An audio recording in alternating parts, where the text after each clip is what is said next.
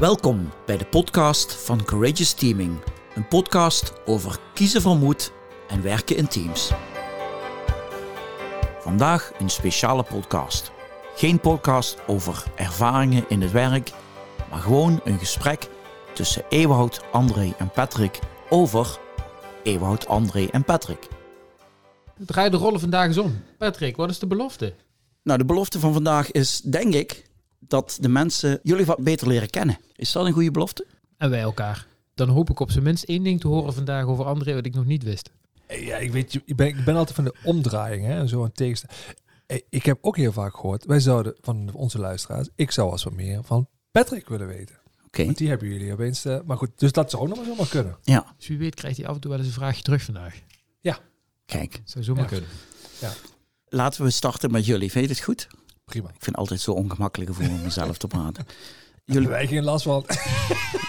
nee. Je Jullie, hebt mij gisteren uitgelegd dat als ik het woordje ik gebruik, dat er endorfine vrijkomt. Ja. Dat, eh, waar stond het? Welk boekje stond het ook alweer? Eh, Socrates op sneakers. Kijk. Ik vind het trouwens een geweldige titel. Hè?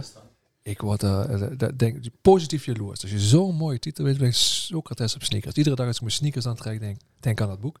Maar daar stond inderdaad in een wetenschappelijke verklaring voor, eh, weet je, als je lekker eet, als je eh, seks hebt, als je blijkbaar cocaïne snuift. Het sporten, chocola eet, Ja, En- die, de huisdieren knuffelt. en dus ook als iedere keer woord ik zegt, dan komt dat stofje vrij. Het gelukshormoon. Ja, en dat verklaart dus waarom we zo graag over onszelf praten. Dat vond ik wel een hele mooie inzicht. nou, laten we dit in de praktijk gaan brengen. Ik vroeg me af, jullie hebben samen Courageous Teaming. Wat drijft jullie eigenlijk als, eh, als ondernemer, maar misschien wel als consultant? Misschien is dat wel verschillend voor ons beiden, denk ik. Wil jij eens beginnen? Wat drijft mij als ondernemer? Voor mij, waarom ik samen met Ewout dit ben gestart, is eh, de vrijheid. De vrijheid om zelf te kiezen, om zelf te bepalen wat we doen. En het andere is eh, het onge- de drive om te weten hoe het werkt tussen mensen. Om daarop verder te pakken. Die nieuwsgierigheid, eh, op zoek naar iets van wijsheid. Nou, nou heb jij toevallig een prachtig stukje geschreven voor onze nieuwe website, een anekdote. Die vraag deed mij daaraan denken. Kun je daar nog iets over zeggen? Ja, dat is wel mooi. Van, eh, nou ja, de, de vraag was, schrijven ze een stukje van eh, wie, wie, wie ben je? En toen moest ik eigenlijk denken aan, eh, ik was denk ik 12, 13. En toen opeens stond de buurvrouw eh, aan de deur. Die belde aan. En ik was alleen thuis. En zij was in paniek en een beetje wanhopig. En eh, ze zei, zou je eens met mijn zoontje willen praten, want eh het gaat niet zo goed met hem. En dus ik, ik liep met haar mee en we kwamen binnen. En ze zei, hij zit boven. Dus ja, ik liep naar zijn slaapkamer en ik zag daar die, dat, dat ventje op zijn bed liggen. En ik dacht, wat ga ik doen, man? En we keken elkaar allebei zo, waarschijnlijk zo aan van, wat kom jij doen? En ik ben hem eigenlijk maar vragen gaan stellen. En toen ontvouwde zich eigenlijk een gesprek en eh, ontstond er ook eh, vertrouwen en eh, begon die langzaam te ontdooien. En eigenlijk dacht ik later, weet je, dat, dat ben ik mijn hele leven blijven doen. Gewoon vragen stellen. Dan krijg je verbinding met mensen. Dus dat was eigenlijk mijn eerste anekdote over wat wil ik eigenlijk doen. Als ik daarop door mag pakken, dit kun je ook doen bij een bedrijf. En jij hebt gekozen om ondernemer te worden samen met Ewout. Ja, dus het, dus op een gegeven moment komen er meerdere dingen die, die je drijven. Hè. Dus die nieuwsgierigheid en het vragen stellen en die interesse in mensen en wat er tussen mensen gebeurt. Dus dat ontdekte ik. En daarnaast ontdekte ik op een gegeven moment dat die, die vrijheid, dat ik dat ontzettend belangrijk, dat ik dus blijkbaar ook lastig vind om in een organisatie te blijven lopen. En eh, die eh, zelf kunnen kiezen waar je... Dus ook op pad naar klanten. De ene dag naar plaats A, dan naar plaats B. Of eh over de hele wereld, nog leuker. En ontdekken hoe, het, hoe, hoe doen ze het hier eigenlijk. Dat is ook een vorm van die nieuwsgierigheid. Hè? Van hoe werkt het bij bedrijf A? Hoe werkt het bij overheidsinstantie B? Bijvoorbeeld dat ik niet iedere dag dezelfde afstand van woon-werkverkeer heb. Hoe zit dat met jou, Ewout? Het is wel leuk om te horen. Ik denk dat ik eens even aansluit bij het laatste wat André net zei. Toen wij eh, besloten deze stap te zetten om voor onszelf te beginnen, zelfstandig te worden. Ja, dan kun je ook beslissen om het te doen als eh, ZZP'er. Om dat helemaal als zelfstandige te doen. En ik denk dat als ik voor mezelf kijk, de reden om het echt niet zelf te willen doen, maar om het met z'n tweeën te willen doen, is omdat wij hebben het over teams en teaming. En we zijn eigenlijk de minimale variant van een team. Dus af en toe heb je het idee dat je elkaar verschrikkelijk in de weg zit, maar daarmee ook juist heel veel waarde toevoegt aan elkaar. eh, en dingen voor elkaar krijgt die je alleen nooit voor elkaar zou krijgen. Dus ik denk dat als ik, waarom zelfstandig, de vrijheid om dat te kunnen doen waarvan wij denken, daar zijn we echt goed en daar kunnen we waarde toevoegen. En als je mij vraagt naar, naar mijn motief, toen ik die anekdote van André las, toen schreef ik voor mezelf op, en eh, dat is voor sommigen is dat ook een bekende anekdote, dat eh, de, de reden dat ik dit ooit ben gaan doen, is eh, nou, toen ik mocht debuteren in de eredivisie, toen was ik 17, in het handbal. Ik kan me nog eens de dag van gisteren herinneren dat ik het veld afstapte en ik dacht, oh, dat heb ik goed gedaan. Ik heb geen fouten gemaakt, hartstikke goed.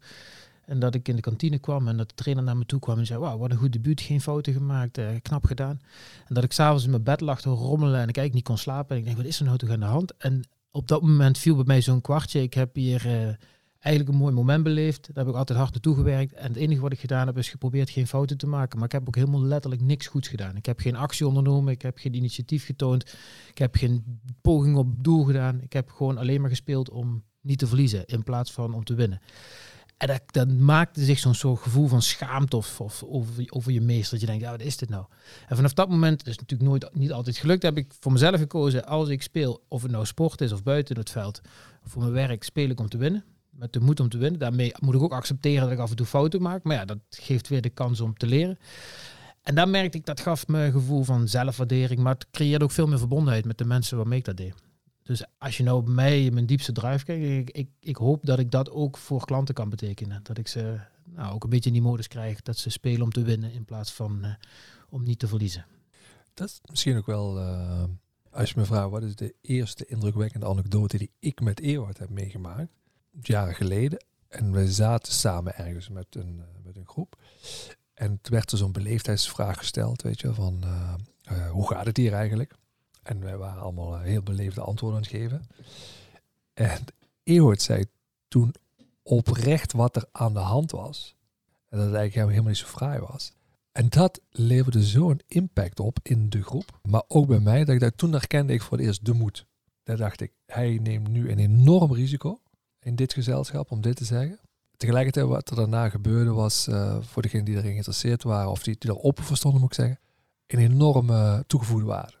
En moed speelt bij jullie natuurlijk een grote rol. Sterker nog, je bedrijf heeft een naam. Ja. Courageous Teaming. Ja. En Ja. onze podcast gaat eigenlijk ook altijd over Ja. moed. Dus daar liet hij het in, voor mij in de praktijk zien. En toen dacht ik, dit vind ik wel tof dat iemand dat doet. En de positieve invloed die dat heeft. En mijzelf heeft het geraakt. eh, dus toen ik jarenlang bij, bij, bij, bij een corporate werkte, bij een groot bedrijf.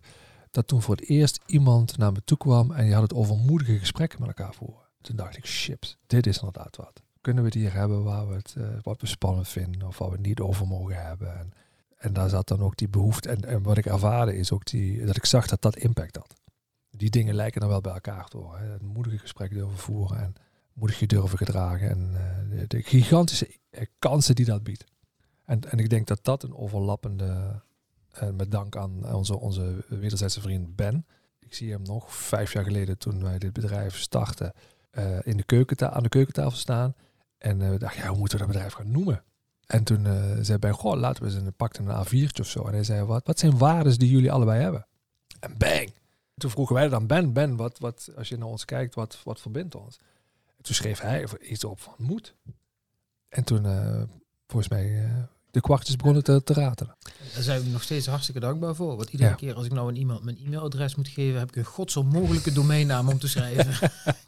En ook nog in het Engels.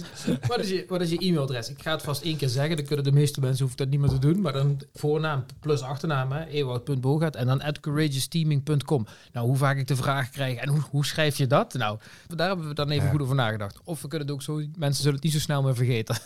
Mag ik een moedige vraag aan jullie stellen? Eh, wat, wat ik merk als wij eh, dingen doen, is dat jullie heel voorzichtig zijn. Jullie vragen heel veel mensen feedback, waar ik zou zeggen van gewoon posten.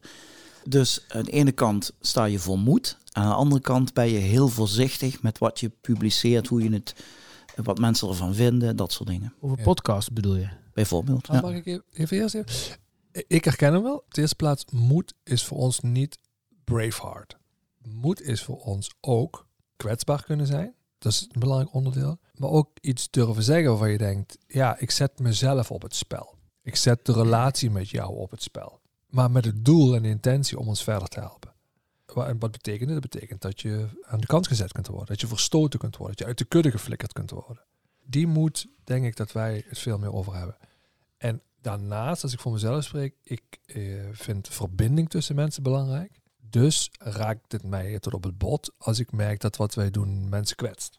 Ik hoor jou zeggen, moed betekent niet risicovol zijn, uh, maar moed heeft meerdere levels bij jou. Het is voor mij wel risico nemen, maar met de, het doeltje denk hier kunnen wij samen zoveel beter van worden of gelukkig whatever als we dit eens met elkaar gaan bespreken. En daar neem ik een risico in.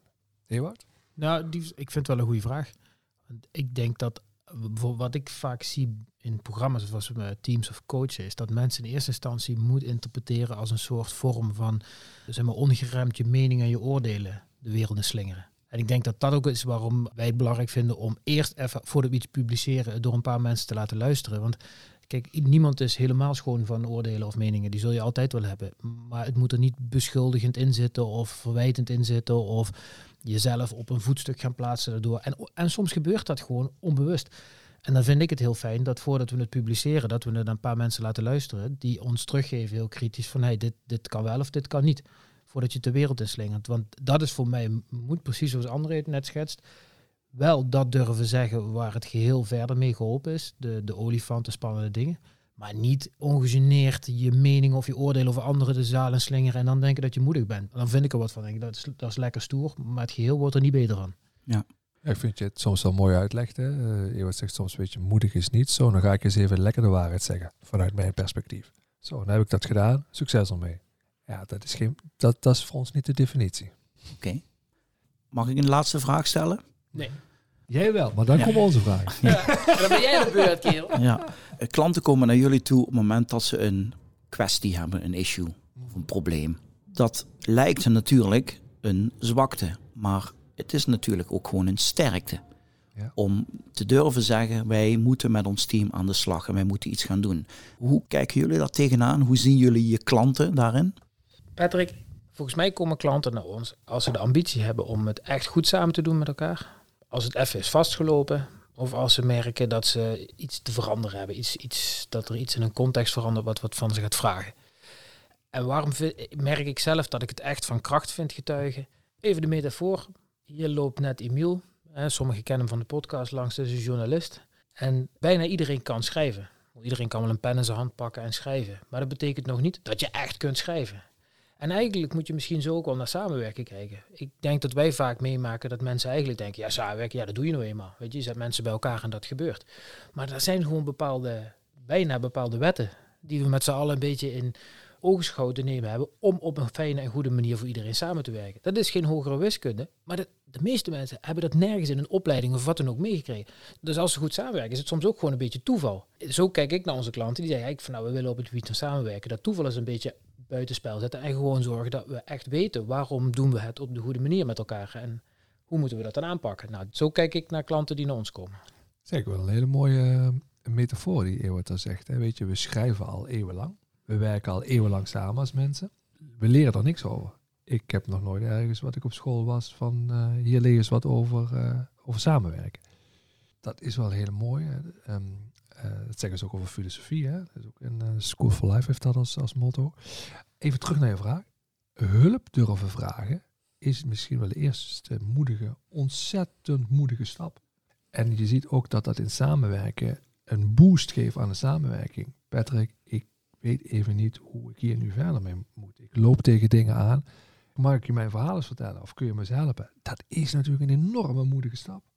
Ja, en ik hoor jullie eigenlijk zeggen, ik bedoel, wij komen uit de sportwereld. Ik leer volleybaltrainers altijd zonder planning berust alles op louter toeval. Eigenlijk zeg je hetzelfde met samenwerken. Ja, ja. daarom word ik ook zo enthousiast over uh, dat Eeuwert begonnen is uh, met, met dat boekje over samenwerken. Dat er thema's in terugkomen waar je in alle samenwerkingen mee te maken krijgt. Hoe nemen wij beslissingen? Uh, wat zijn onze normen hier, prestatienormen? En hoe, hoe, hoe leven we die prestatienormen? Nou, zo kan ik een, een, een aantal onderwerpen noemen. Die komen steeds terug. En als je daar van tevoren alles over nagedacht hebt. Ja, en bij samenwerking gaan we ervan uit dat dat zomaar vanzelf gebeurt. Ja, het kan. Maar hoe groot is die kans? Dus dat is wel eh, een heel mooi stapje. Ja. Hey, zo is het bruggetje naar jou maar. En ja, ja, ik vind het goed. Gaan jullie mij dan vragen stellen? Ja, hey, die, die podcast maken, hè? wat is, zit daar voor jou in? Wat, wat maakt dat jij dat eh, met ons doet? Dat is een goede vraag. Ik denk dat er twee dingen achter zitten. Ten eerste techniek. Vind ik hartstikke leuk. Altijd al gevonden als disjockey, als, als kind. Maar als tweede dat nou de inhoud hier ook bij aansluit. Ik ben ook een consultant. Ik vind het mooi met de principes waarmee jullie werken om die ja, samen te brengen met die techniek en in een mooi product. Dat hebben jullie wel ook al gemerkt. Af en toe leveren we iets af waar achteraf van zeggen, hmm, misschien niet zo handig. En dan merk ik aan mezelf toch van ja, ik zit er wat, misschien wat te technisch in. Van als het technisch mooi in elkaar zit, als de levels hetzelfde zijn, als weet je wel, de jinkeltjes kloppen, dan vind ik het al heel erg mooi. Ja. Uh, dus waarschijnlijk is de techniek bij mij net wat belangrijker dan de rest. Mooi. Kijk, de techniek, we zijn dit nu op het nemen, maar straks, straks komt het editwerk. Ja. ja, en dat is natuurlijk ook hartstikke mooi om te doen. Want dat valt mij inderdaad op. En dan heb je iets opgenomen en dan eigenlijk vaak al dezelfde avond. Dan heb je dat uh, kleiner gemaakt, ingedikt. Uh, dan denk ik, god, ja, neemt de man nog rust, hè?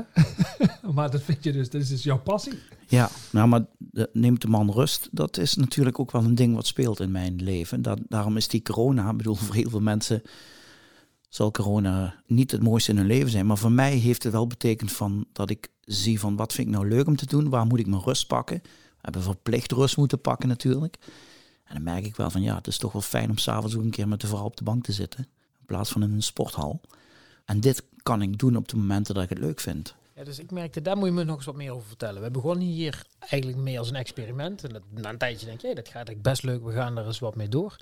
En toen stuurde je een berichtje naar ons. Um, moet ik even voor de luisteraars vertellen, jij zit in het volleybal, je hebt alle trainersdiploma's. Sterker nog, je geeft trainersopleidingen. Of eigenlijk moet ik zeggen, je gaf trainersopleidingen. Want volgens mij, een van de keuzes die jij genomen hebt, is dat je stopt of in ieder geval minder tijd steekt in het, het opleiden van volleybaltrainers en meer tijd in het maken van podcasten. Wat heeft je tot die overweging gebracht? Nou, een aantal dingen. Kijk, ik heb regelmatig verandering nodig in mijn werk. En het volleybal opleiden deed ik toch al een jaar of tien. Maar wat ik daar vooral in merkte is dat je veel meer administratief bezig bent. Dus de laatste tijd duizend mailtjes voordat je een cursus op poten hebt. En ik vind het geven van een cursus hartstikke leuk, maar al dat gezeur eromheen niet. Dat maakt ook dat ik ja, geen, geen zelfstandig ondernemer ben. Hè. Ik bedoel, ik ben wel een ZZP'er, maar ik heb ook nog gewoon een baan. Er worden dat soort dingen voor mij geregeld. Dan kan ik me echt bezighouden met de dingen die ik leuk vind. En nu dacht ik van ja, het wordt eens tijd om, uh, om iets anders te gaan doen. En met het podcast, ja, dat was een soort van vervanging. Ja. Toen ik jou leerde kennen, vijf jaar geleden, dat was natuurlijk via Ewout, want jullie kennen elkaar al eerder. En ik kan me nog herinneren dat jullie ontmoeten elkaar en wij waren bezig wat we willen met, met, met, ons, met ons bureau. En jullie gingen eigenlijk eindeloos aan een bord zitten tekenen over allerlei modellen en hoe het werkt, wat je voor trainingen en opleidingen kunt bedenken. Het begint op een heel waarderend stuk te lijken dit. Toen hebben we volgens mij ook om geen besloten, weet je, ik, ik ga even wat anders doen. Dan kunnen jullie lekker door met z'n tweeën. Maar voor mij, dat toetsje kwam daar, droop daar vanaf. Die, die ongelooflijke behoefte aan diepgang, aan allerlei modellen willen weten wat die kunnen betekenen voor mensen. Klopt dat? Dat, dat, dat viel mij op. Ja, ik ben wel enorm theoretisch iemand. Dus ik vind modellen fantastisch. Sterker nog, ik kan heel goed modellen met elkaar combineren. Uren ben ik daarmee bezig. En ik vind ik ook geen enkel probleem dat ik dat nooit kan toepassen. Ik vind niet uh, het Ja. plezier zit hem in het daarmee bezig zijn. Daar zit plezier in. En, Ja. en is natuurlijk ook enigszins theoretisch. Alleen kan hij dat heel mooi in de praktijk eh, toepassen. En dat kan ik ook wel, maar daar zit mijn plezier niet. Ja. Mijn plezier zit hem altijd in de voorbereiding. Als wij die podcast maken, dan verrassen wij jou iedere eh, keer. Want jij weet niet wat voor verhaal wij mee komen. De vragen die je ons stelt, bedenk je die ter plekke? En hoe werkt dat bij jou? Want ik krijg dus van luisteraars wel eens terug van... eh, ja, die, die Patrick die stelt knettergoeie vragen. En ze hebben nu inmiddels ook allemaal door dat jij in dat vak zit. Dus er veel van weet eh, en begrijpt. Maar hoe werkt dat voor jou? dat, dat je ons daarbij bij de hand kunt nemen? Ik bedenk ze te plekken. En ik denk dat daar één ding achter zit. En het zit eigenlijk in alles wat ik doe in mijn werk. En dat is oprechte nieuwsgierigheid. Ehm, er is altijd één ding dat in de weg zit. En dat is ehm, twee dingen. Dat is mijn, eh, dat ik altijd overal een mening over heb. En het tweede is dat ik alles, alles wil kunnen verklaren, alles in een model wil gieten. En dat heb ik de laatste jaren wel geleerd om dat niet te hoeven doen. Ik denk dat oprechte nieuwsgierigheid een belangrijke skill is van elke consultant. En dat dat daar wel achter zit.